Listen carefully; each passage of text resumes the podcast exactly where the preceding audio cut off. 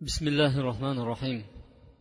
الحمد لله رب العالمين والعاقبة للمتقين والصلاة والسلام على مبعوث رحمة للعالمين نبينا محمد وعلى آله وأصحابه ومن تبعهم بإحسان إلى يوم الدين. أما بعد السلام عليكم ورحمة الله وبركاته. Alloh taologa hamda sano payg'ambar sollallohu alayhi vasallamga salovat va durudlar bo'lsin. Shunday kunga muborak kunga bizlarni yetkazgan robbimizga maqtovlar aytamiz. U zotdan barcha ishlarimizda yordam so'raymiz. Bizlarni to'g'ri yo'lga yo'llashlikni yomon yo'llardan alloh subhanava taolo bizlarni to'g'ri yo'lga boshlashlikni u zotni o'zidan so'raymiz. Hamda sizu biz uchun jon kuydirgan ummat uchun nasihat qilgan payg'ambar alayhissalomga cheksiz salovatlar aytamiz. Bugun mana muborak kunda sizlar bilan davom etayotgan suhbatimiz qiyomat kunidagi holatlari edi. Qiyomat kunidagi holatlarni eslarkan musulmon odamda qo'rquv taqvo hamda yaxshi fazilatli sifatlar topilmaslikni iloji yo'q.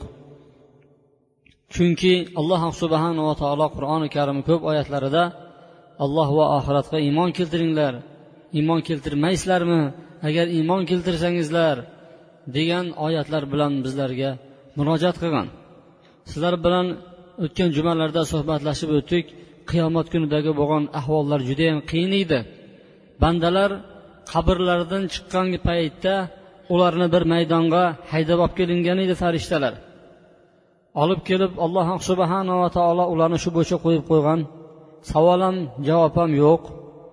Biroz ular judayam qattiq chanqab cho'llab ustilarida quyosh balqib turgan holatlaridan keyin alloh subhanava taolo muhammad alayhissalom uchun havzini ko'targan va muhammad alayhissalom ummatlari havzini ichib boshqa payg'ambarlarga ham havz ko'rsatilib ummatlari ichib yana uzoq muddat qolib ketishadi. Payg'ambar sollallohu alayhi vasallam aytadiki qiyomat kunida odamlar tirilgan paytda yalang'och yalang oyoq va xatna qilinmagan holatda tiriladilar dedi. Qiyomat maydonida to'plangan paytda odamlar ustida kiyimi ham bo'lmaydi. Va xatna qilingan a'zolari joyiga qaytib kelgan holatda tirilishadi oysha roziyallohu anhu ya rasululloh erkaklar ayollar bir biriga qaramaydimi? degan paytda ey oysha u kunda bir biriga qarashga qaraganda ish katta bo'ladi. Hamma o'zi bilan o'zi ovora bo'lib qoladi. U paytda avratga qaralib o'tirilmaydi dedi. Ahvol judayam qiyin bo'ladi. Payg'ambarlarni ustida ham kiyimi bo'lmaydi. Payg'ambarlar ham yalang'och holatda tiriladi.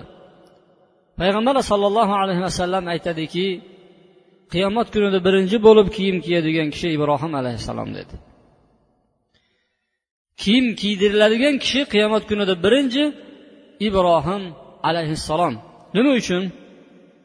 Bu haqida ulamolarimiz turli fikrlarni bildirgan ekan. Chunki alloh subhanava taologa nisbatan u kishini muhabbati judayam oliy bo'ldi.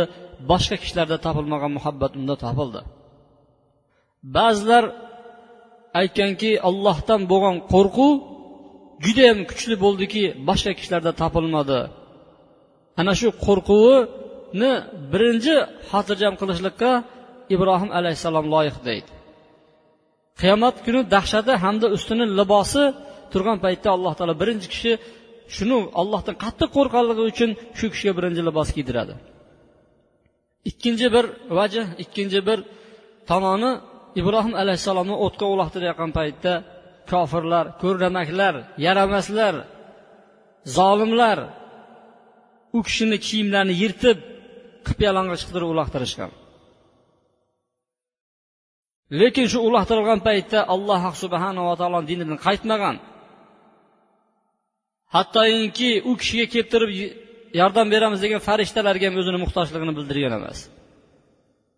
Alloh subhanava taolo ana shu uchun eng birinchi qiyomat kunida shuni mukofoti evaz u kishiga birinchi libos kiygizar ekan. Yana hadislarda keladiki kim qaysi kiyimi bilan vafot etgan bo'lsa ana shu kiyimi bilan turadi degan. Ashobi ikromlarni biri vafot etayotgan paytda aytdiki meni mana shu kiyim bilan dafn qilinglar. Men qiyomat kunida shu bilan turishni xohlayman. Payg'ambar alayhissalom aytgan so'zini bilamanki kishi qaysi kiyimi bilan vafot etadigan bo'lsa shu kiyimi bilan turadi degan. Bu haqida ulamolarni turli fikrlari bor. Kiyimni maqsad ko'p ulamolarni aytishi bo'yicha bu taqvo kiyimidir. Alloh taolo biz sizlarga kiyim tushirdik degan bu kiyim ichida eng yaxshisi taqvo libosidir degan. Qiyomatga har kim o'zini amallarini kiyim qilib boradi.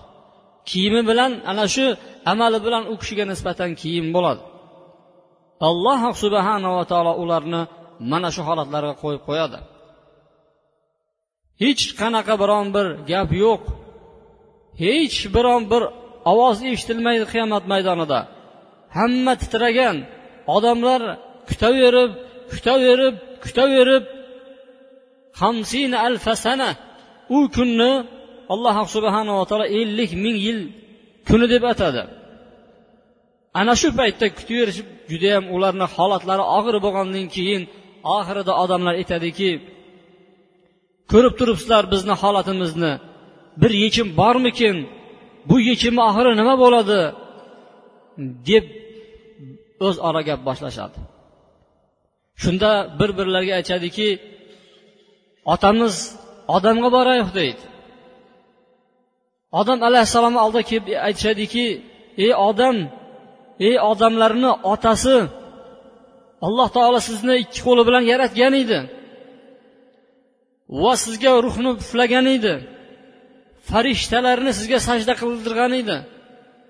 Ko'rib turibsiz bugungi kundagi biz nimani ichida qolib ketdik o'zi? Bizni boshimizga nimalar yetganligini o'zingiz ko'rib bilib turibsiz. Ollohdan so'rab bersangiz deganda odam alayhissalom aytdiki robbim bugun dedi shunday bir qattiq g'azablandi dedi. Shunday bir qattiq g'azablanganki bundoq bundan ilgari ham g'azablangan emas bundan keyin ham g'azablanmaydi. Nafsi nafsi nafsi nafsi deydi. O'zim o'zim o'zimni nima qilaman? O'zim o'zim deb turib to'rt marta aytadi ibrohim odam alayhissalom. Man bugungi kunda o'zimni o'zim eplay olmayman degan gapni aytadi. Alloh taolo bir daraxtni yeyishni buyurgan qaytargan edi. Men ana shu daraxtni yeb qo'ydim. Shu gunohim bor. Allohdan man so'rayolmayman deydi odam alayhissalom. Mandan boshqasiga boringlar deydi. Nuhga boringlar deydi. Odamlar yig'ilib kelishadi nuh alayhissalom oldiga. Ey nuh san payg'ambarlarning eng birinchi rasullarni eng birinchisi bo'lasan. Biz nimani ichida qolib ketganligimizni ko'rib turibsiz. Bizni boshimizga nimalar kelganligini bilib turibsiz. Bizni shafoat qiling. Degan paytda nuh alayhissalom aytadiki meni bir duom bor edi uni xalqimni ustiga qilib qo'yganman man deydi. O'zim o'zim o'zimchi o'zim deb qoladi. Mandan boshqasiga boringlar ibrohimga boringlar deydi. Odamlar yig'ilib ibrohim alayhissalom oldiga keladi. Ey ibrohim siz ollohni halili bo'lasiz ollohni do'st tutgan payg'ambari bo'lasiz. bizni boshimizga nimalar tushganini ko'rib bilib turibsiz. Nimani ichida qolib ketganligini bilib turibsiz. Bizni shafoat qiling degan paytda ibrohim alayhissalom man uch marta yolg'on gapirib qo'yganman deydi. Uch marta yolg'on gapirib qo'yganman deydi. Hammasi aytadi payg'ambarlarni robbim bugun shunday g'azab qildiki لم يغضب قبله مثله ولن يغضب بعده مثله shunday g'azab qildiki bundan oldin undan qattiq g'azab qilmagan edi bundan keyin ham unchalik g'azab qilmaydi deydi uch marta yolg'on gapirib qo'yganman o'zim o'zimchi o'zim o'zim deydi ibrohim alayhissalom mandan boshqasiga boringlar musoga boringlar deydi odamlar to'planib muso alayhissalom oldiga keladi ey muso sizni alloh taolo o'zini risolati bilan tanlab oldi.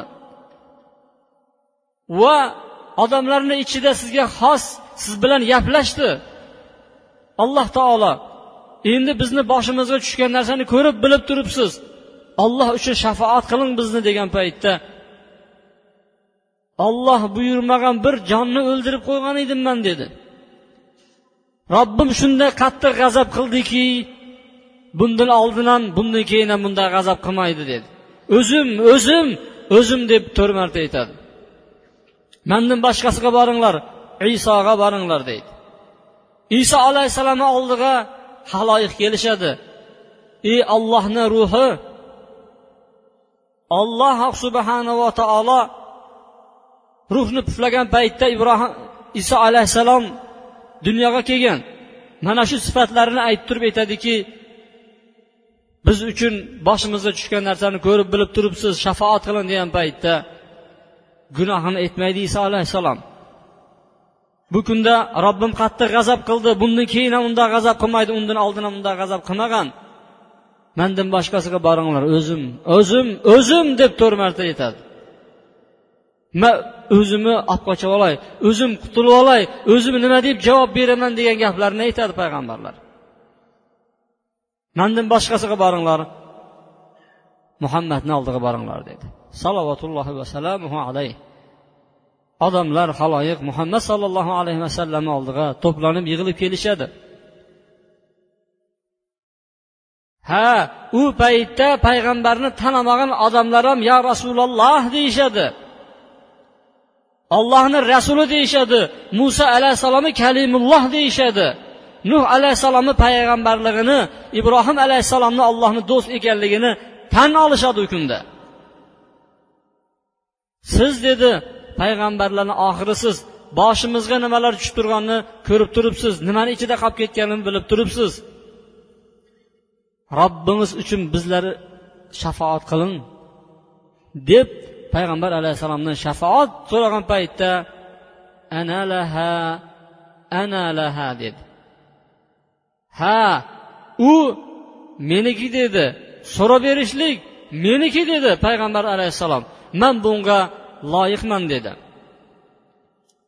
Payg'ambar alayhissalomga alloh taolo qur'oni karimda aytgan ediki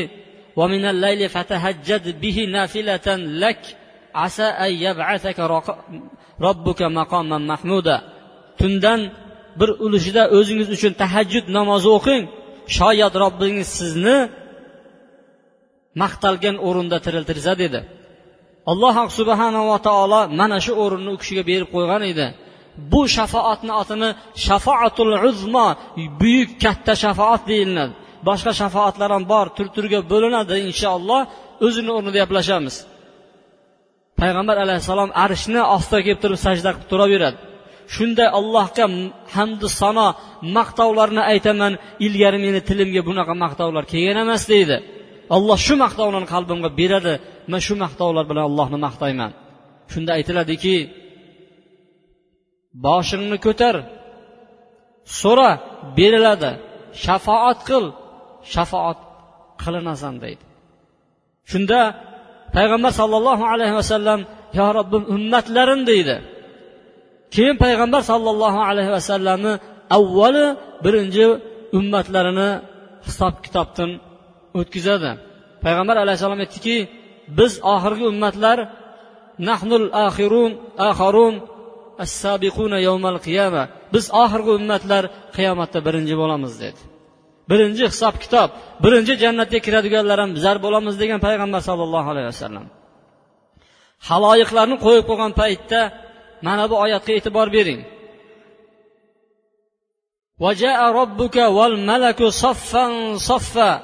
U kunda robbingiz hamda farishtalar saf saf qator qator bo'lib keladi. Jahannam. U kunda jahannam olib kelinadi. Ana shu maydonga do'zaxni olib kelishadi farishtalar.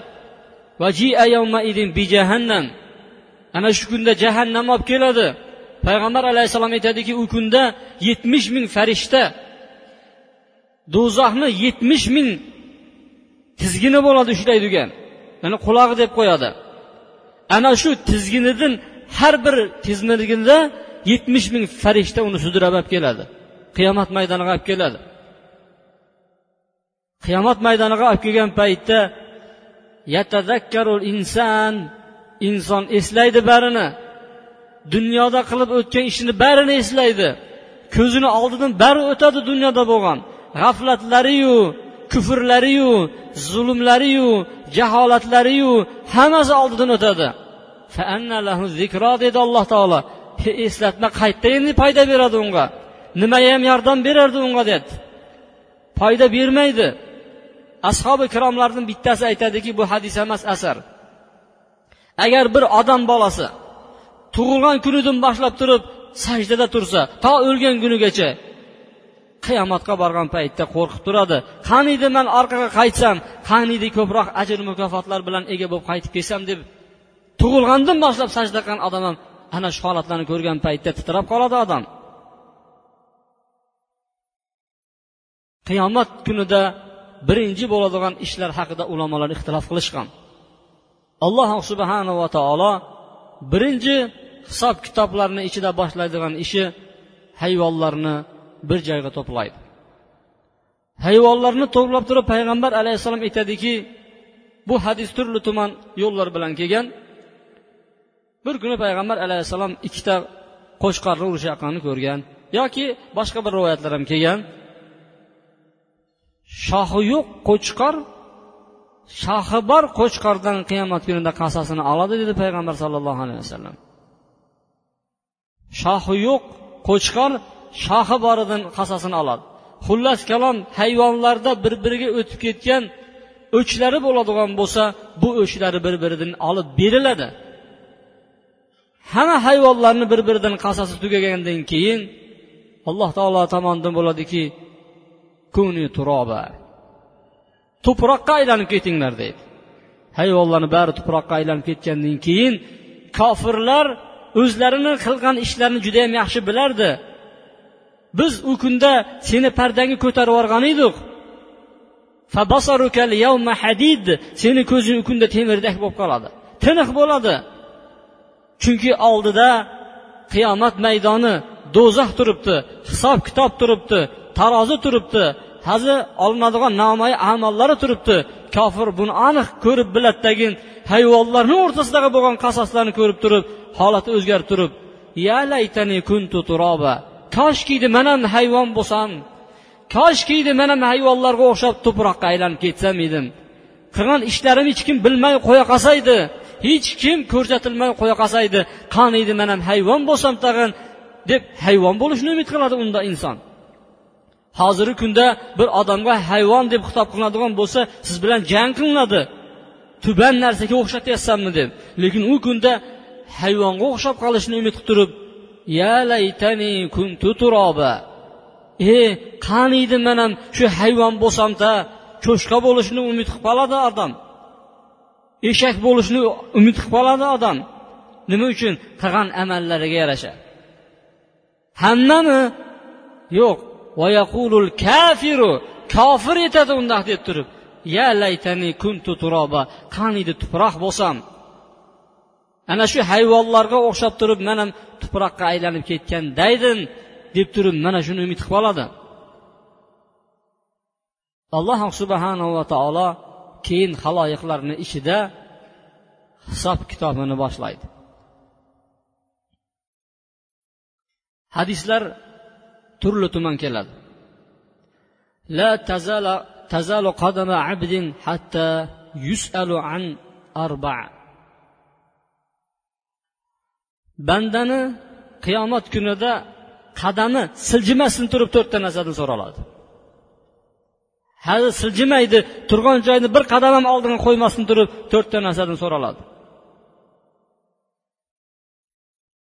Birinchisi o'tkazgan umri haqida so'raladi. Umringni nimada o'tkazding ikkinchisi yigitligi haqida so'raladi. Jasadi haqida so'raladi. Bu jasadni nimada to'zitding nimada eskirtding deydi. Nimaga ishlatding bu jasadni? Undoq qildim dehqonchilik qildim. Meni vaqtim yo'q edi. Sahatlarim to'g'ri kelmay qoldi. Xo'jayinga nima deb javob beraman? Ishdan bo'shatib yuborardi mana shu gaplarmi? Bu jasadni nimada quritding deydi. Nimada eskirttirding deydi. Bu jasadni nimalarga ishlatding deydi. Ilmi haqida so'raladi. Ilmingga nima amal qilib kelding o'qigan bilganlaringga deydi. Mol dunyosini so'raydi. Buni qayerdan olding buni qayerga berding? Topgan edi yuz tanga kirgizgan edi qo'lni ichiga. Yuz tangani qayerga ishlatding nimaga ishlatding mana shu haqida so'raladi. Hadislarda keladiki qiyomat kunida bandani hisob kitob qilinadigan narsalarni avvali namozdir dedi. Boshqa hadislarda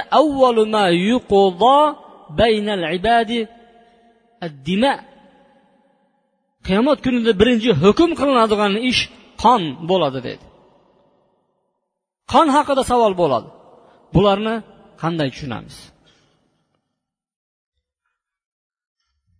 Ollohni haqqiga tegishli bo'lgan ishlarni birinchi so'raladigani namoz. Bandalarni haqqidagi birinchi savol bo'ladigan ishlar bandani haqqidagi bu qon. Bir birini o'rtasidagi to'kilgan qonlar haqida savol beriladi. Albatta bular tavhid ahli ekanligi bilingandan keyin mana shu savollar bo'ladi.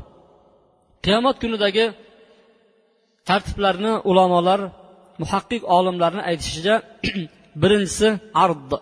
Alloh subhanava taolo amallarini ko'ndalang qilinadi. Bu kichik hisob kitob deyiladi. Buni otini kichik hisob kitob deyiladi. Arab tilida buni ard deydi. Alloh subhanava taolo qiyomat kuni bir bandani yashiradi.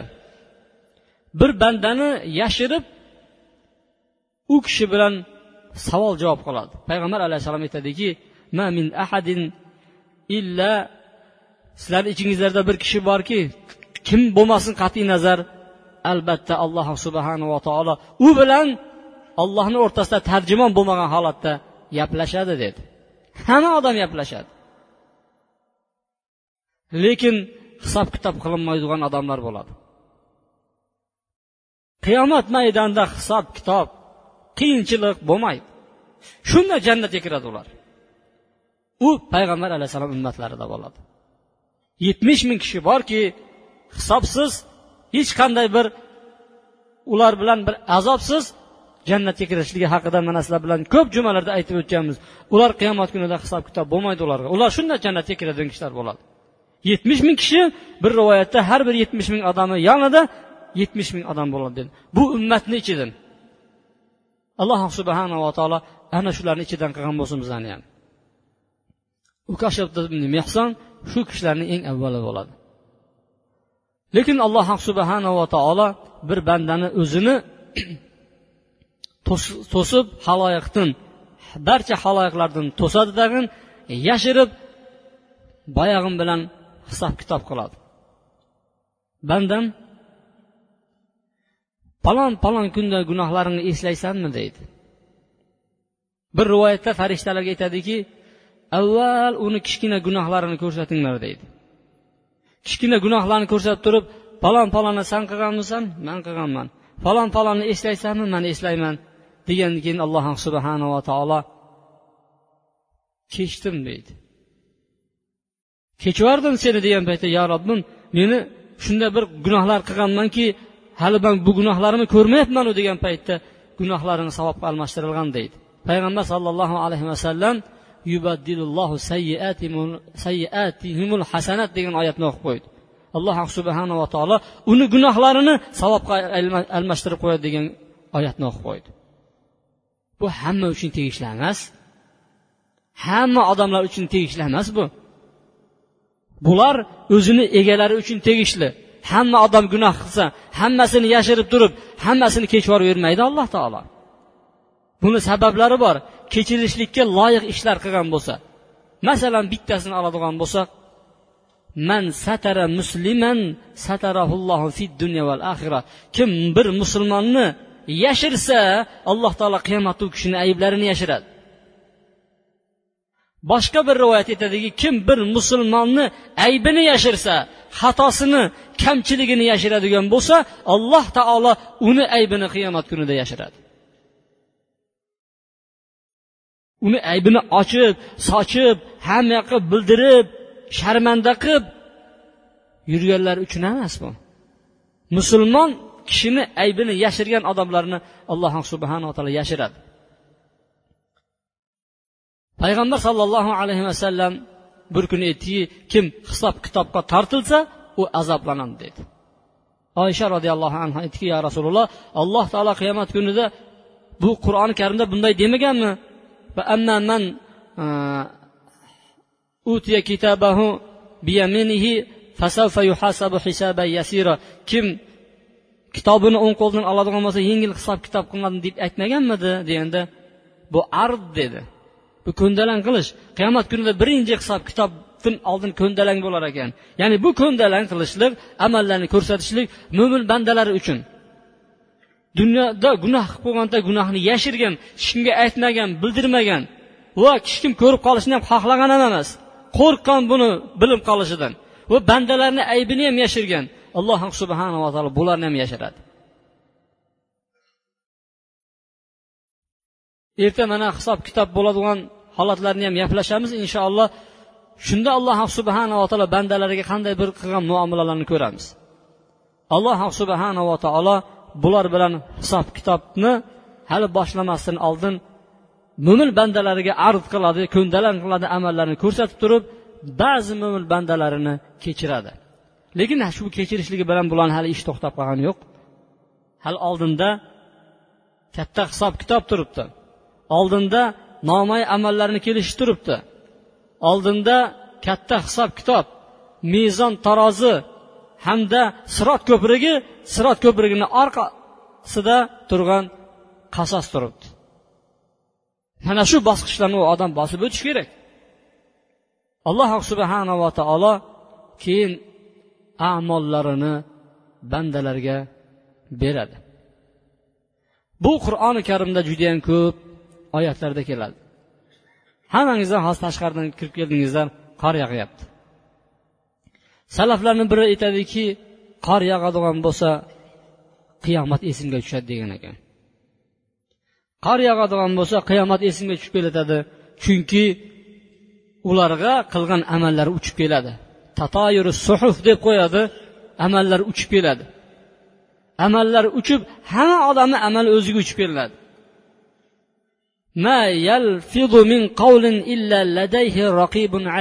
bir og'izni gapirib yuboradigan bo'lsa bir og'iz kalimani gapirsa hoziru nozir farishtalarimiz turibdi deydi. Kiroman katibin yozuvchilar bor. Nima amal qilayotgan bo'lsangiz bir chetdan yozib boryapti. Inna kunna nastansihu ma kuntum ta'malun.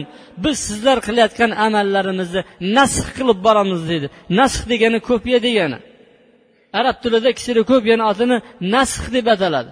Qilayotgan amallaringizni biz nusxasini olib boramiz deydi. Qanday bo'ladigan bo'lsa ana shunday kitoblari bandalarni bizlarda nomai amal deb qo'yadi uni. Ana shu kitoblarni uchib keladi. Uchib bandalarini qo'liga keladi. Alloh subhanaa taolo aytyaptiki kim hisob kitobini o'ng qo'ldan oladigan bo'lsa ular yengil hisob kitob qilinadi. Boshqa bir oyatlarda u najot topadi dedi